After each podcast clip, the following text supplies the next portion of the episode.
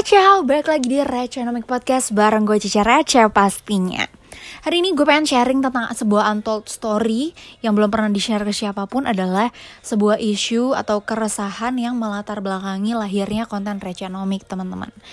Um, Jadi pasti kalian penasaran atau enggak, enggak tahu Kenapa gue seorang anak muda yang saat ini masih aktif di dunia financial khususnya perbankan yang sebenarnya hari-harinya udah hektik sih. Kenapa mau uh, melahirkan sebuah konten-konten yang uh, berbau keuangan juga pastinya pengen inspire teman-teman semua anak muda khususnya untuk bisa mencapai apa yang udah gue capai di usia sekarang gitu.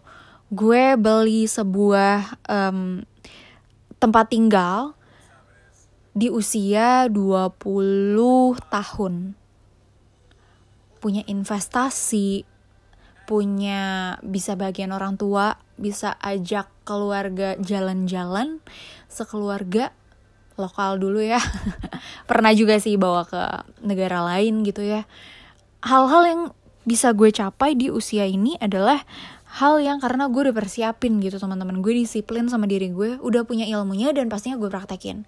So melalui Reconomic ini gue pengen ajak teman-teman anak muda yuk kita bareng-bareng belajar kita bareng-bareng kembangin diri dan kembangin um, keuangan gitu ya. Karena duit memang bukan segalanya. Banyak banyak banget di dunia ini yang nggak cuma duit yang kita bisa explore yang kita bisa kulik yang bisa jadi sumber kebahagiaan kita juga banyak, bukan cuma duit. Our passion, our loved ones, hobi, semua bisa jadi sumber kebahagiaan gitu ya. Tapi satu hal yang kalian harus selalu ingat adalah hampir semua hal di dunia ini butuh duit. Jadi duit bukan segalanya emang, tapi almost everything in your life needs money.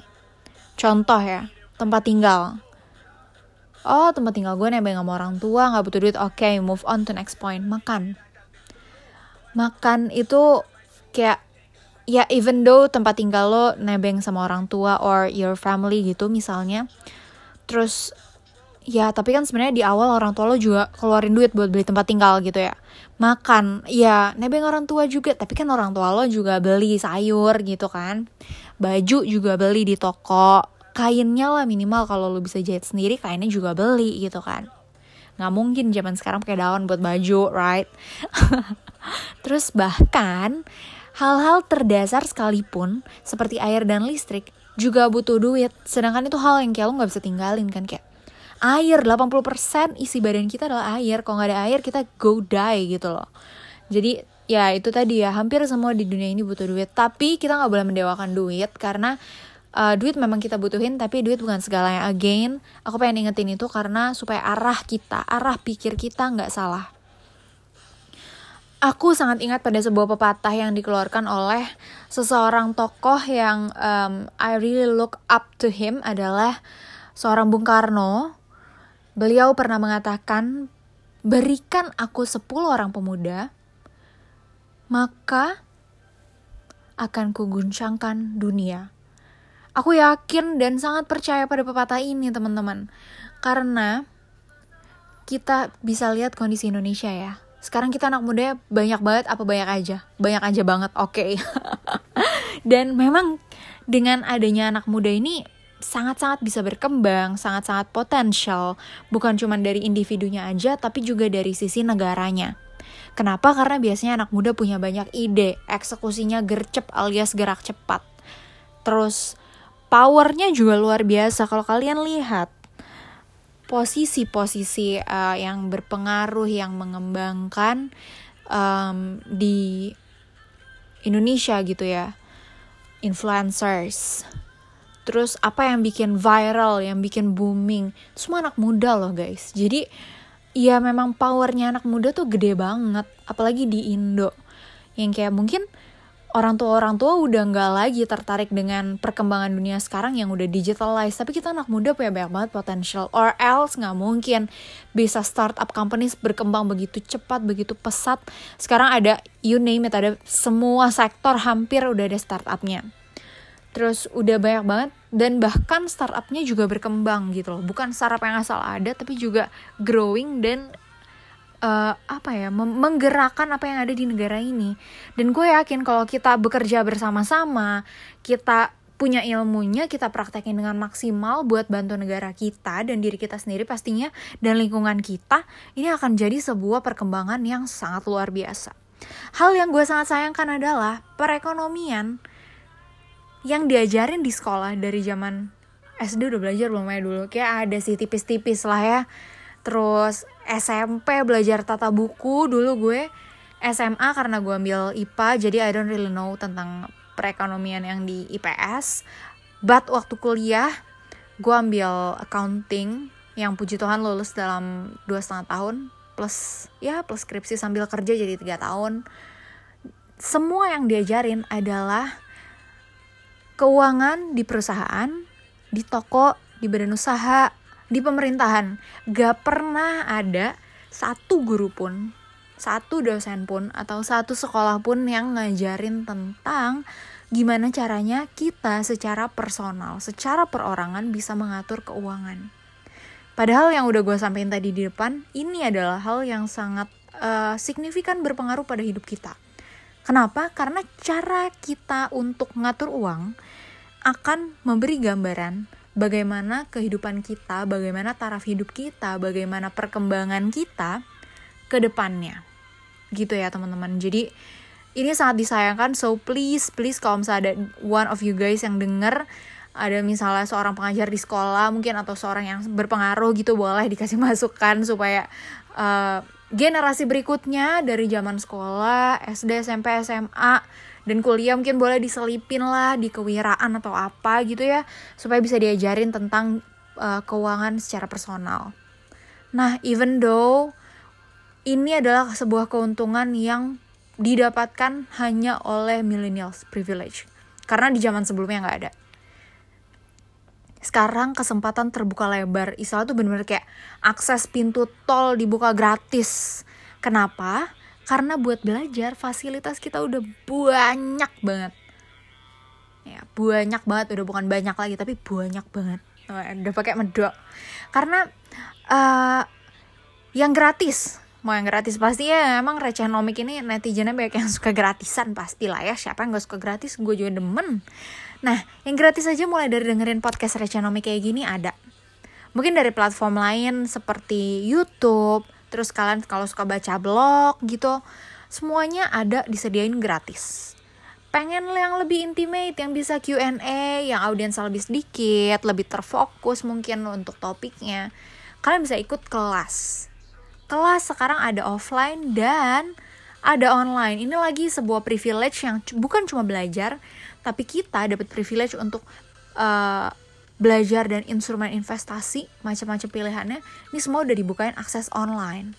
Jadi ini sangat-sangat tempting ya sangat-sangat menarik untuk milenial. Sayang banget kalau kita lewatin teman-teman. Ini bukan kayak promo properti yang kalau dilewatin besok harga naik bukan sorry. Ini adalah benar-benar apa ya sebuah ilmu yang memang harusnya nggak kita lewatin gitu teman-teman. Karena ini kesempatan yang kalau diambil sekarang, your future self will thank you for what you decide today. Gitu. Jadi karena semuanya udah tersedia, tinggal gimana aja kita mau belajarnya, gimana kita mau praktekinnya, gimana kita mau nguliknya, kembangin, apa yang udah dipelajarin kita bisa upgrade lagi, lebih baik lagi, belajar lebih dalam lagi gitu. Dan tentunya setelah kita pelajarin tentang hal-hal terkait investasi, terkait keuangan, karena keuangan gak cuma investasi, tapi keuangan juga terkait budgeting teman-teman. Nah di sinilah yang harus kita aplikasiin. Kita mulai atur keuangan, mungkin yang income-nya uh, sekian, expense-nya sekian, tadinya ngepas atau agak kurang-kurang dikit kadang bisa mulai dipres hal-hal yang nggak penting, hal-hal yang bukan core bisa ditinggalin dulu untuk sementara dan dialokasiin untuk yang lain, untuk nabung, untuk mulai investasi. Jadi jangan kitanya capek-capek cari duit, terus duitnya ditidurin doang, nggak diputerin gitu enak banget. Duitnya kayak putri putri tidur ya. Kayak gue juga mau jadi duit tidur doang gitu. Jangan kita udah capek-capek cari duit, duitnya juga harus cari duit lagi buat kita gitu. Nah, ngomongin tentang uh, pengaplikasian teman-teman. Gue yakin pengaplikasian ini emang bukan hal mudah dan sepertinya juga udah pernah gue share di episode sebelumnya gitu ya. Tapi gue yakin dengan tekad komitmen hal yang paling utama adalah komitmen kita tahu tujuan kita ke depannya pengen apa. Kita pengen financial freedom kita pahamin dari literasi ekonominya bahwa perkembangan ekonomi ke depannya harusnya akan lebih baik perekonomian negara maupun perekonomian personal kita ada angin segar, ada hawa-hawa positif di mana sepertinya masih sangat bisa berkembang dan memang masih. Dan ada target-target kita di masa mendatang, target mulai dari jangka pendek, jangka menengah, jangka panjang. Aku juga udah pernah share tentang ini, tinggal scroll aja. Kalau kita tahu tujuannya, teman-teman, kita jadi bisa tentuin kendaraan apa yang mau kita uh, pakai kita jadi bisa tahu taktik atau strategi apa yang harus kita lakuin. Dan sekarang instrumen investasi tuh ada banyak. Tergantung dari kecocokan profil lo. Kalau lo suka in, ya suka resiko misalnya, ada yang orang hmm, ya so-so lah, ada resiko boleh, tapi mungkin nggak terlalu tinggi, tapi ya kalau resiko terlalu rendah juga kurang deg-degan gitu ya, bisa juga. Atau ada yang kayak baru ngeliat tulisan resiko aja udah panas dingin gemeteran ngompol gitu ada juga so you guys bisa pilih uh, berdasarkan profil resiko berdasarkan jangka waktu dari tujuan yang udah kalian tentuin tadi kalau gue sendiri gue set goal untuk jangka pendek jangka menengah dan jangka panjang. Jadi semuanya kita harus tahu mau ngapain kalau gue pengen financial freedom, gue pengen bahagiain orang-orang di sekitar kita, tapi gue juga pengen menggerakkan perekonomian negara, gue pengen bantu orang. So gue bisa pilih instrumen investasi yang juga memenuhi poin-poin ini gitu. Atau mungkin ya kalau nggak memenuhi semua poin yang gue pengen ya mayoritas poin bisa terpenuhi dan gue bisa alokasiin dana lainnya untuk supaya poin-poin itu semuanya bisa tercapai di instrumen lain gitu. Kalau kalian yang nggak suka resiko, ya mungkin bisa coba reksadana gitu ya. Reksadana kan uh, dijaga sama manajer investasi jadi kalian tinggal taruh dana aja. Resikonya cenderung rendah tapi uh, biasanya reksadana yang liquid itu reksadana pasar uang juga um, hasilnya juga agak kurang tinggi gitu ya returnnya.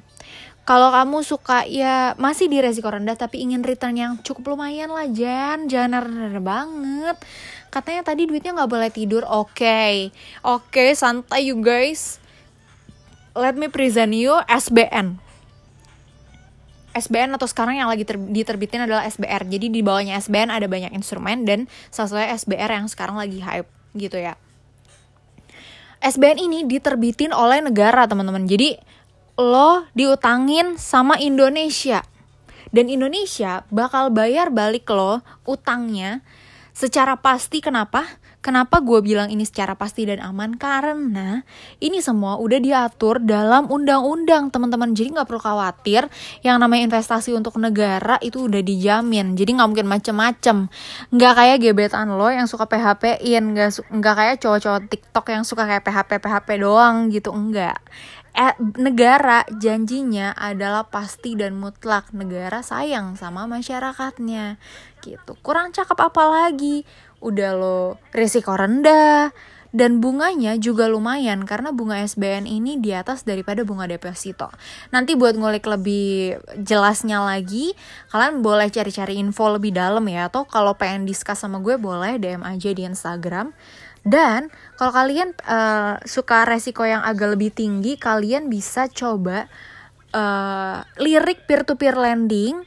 Peer-to-peer lending juga masih dijaga dengan asuransi, tapi make sure peer-to-peer yang kalian pilih adalah peer-to-peer yang terdaftar dan diawasi OJK. Karena zaman sekarang yang namanya celah ada aja dan orang-orang semakin kreatif Cuman mungkin kreativitasnya dilakukan di sisi yang salah, ada aja instrumen-instrumen yang agak-agak kurang bener. Makanya gue saranin yang memang sudah diawasi dan terdaftar di OJK. Atau kalian bisa cek juga validitasnya. Sekarang semuanya juga udah terdaftar online, jadi kalian bisa cek secara online.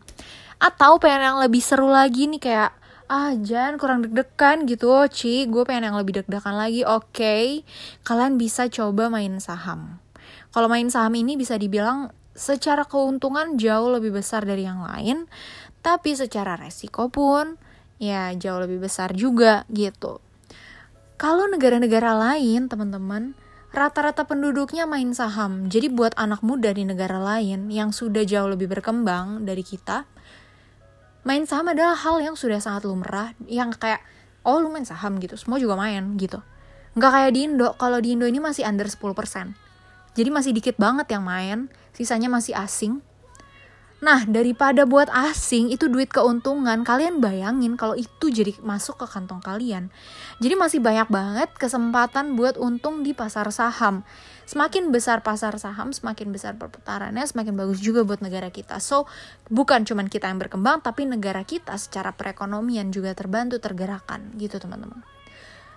Intinya, semua resiko dari masing-masing instrumen investasi datang berbarengan dengan potensi keuntungan, teman-teman. Jadi, apa pun yang kamu ambil, make sure dulu kamu udah punya ilmunya. Kenapa? Biar nggak salah investasi, teman-teman. Balik lagi ke yang tadi sih. Dan aku yakin teman-teman millennials Indonesia ini punya ilmu, punya willing, punya kesempatan yang sangat terbuka untuk maksimalin itu semua banyak banget um, account-account yang suka sharing tentang keuangan. Di follow aja dicek aja didengerin uh, suaranya gitu ditontonin videonya supaya nggak ada salahnya. Karena itu adalah investasi buat lahir ke atas alias investasi buat ilmu otak kalian yang buat ke depannya walaupun mungkin kalian belum langsung in, uh, implementasi sekarang tapi aku yakin in few months atau in few years pasti kalian akan pakai juga kok gitu jadi nggak ada salahnya ya buat kalian belajar, belajar dan invest. Dulu jangan bilang investasi itu mulai harus dengan nominal gede, nunggu kaya baru invest. No. Aku belajar invest mulai kapan? Mulai SMA. Karena aku mulai kerja juga dari zaman sekolah udah kerja cari duit.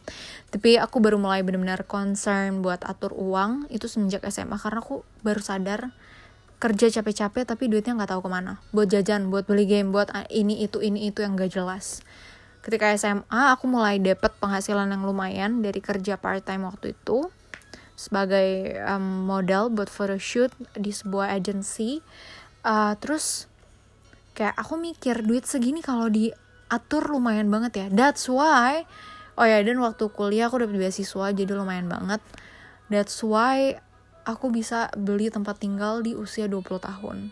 Yang tadi aku kayak gak nyangka juga rek gitu kayak gila. Aku nggak dimodalin sepeser pun loh sama mamahku.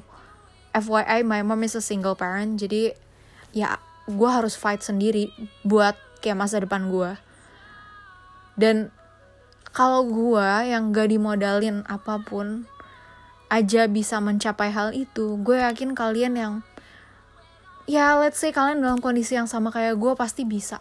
Apalagi kalian yang kondisinya lebih baik dari gue. Pasti kalian lebih bisa lagi buat achieve more things than me dan gak ada kata terlambat even though mungkin kalian udah di atas gue umurnya atau kalian mungkin di bawah gue gak ada kata juga terlalu awal. Karena waktu yang tepat untuk mulai invest adalah sekarang literally sekarang juga. Ya waktu yang terbaik bisa gue bilang mungkin 10-20 tahun lalu tapi itu semua udah lewat. Dan gak ada waktu yang lebih baik daripada sekarang gitu guys. Jadi gue selalu men menyarankan ke teman-teman untuk kalau nanya kak invest terbaik kapan C gue invest bagusnya kapan? Sekarang. Nggak usah pakai mikir sekarang invest. Yang penting lo udah punya ilmunya lo tahu lo mau invest di mana lo tau resikonya ya udah. Take it. Karena teman-teman bisnis dan perekonomian adalah salah satu hal yang paling berpengaruh ke sebuah negara. Ke bangsa kita pastinya.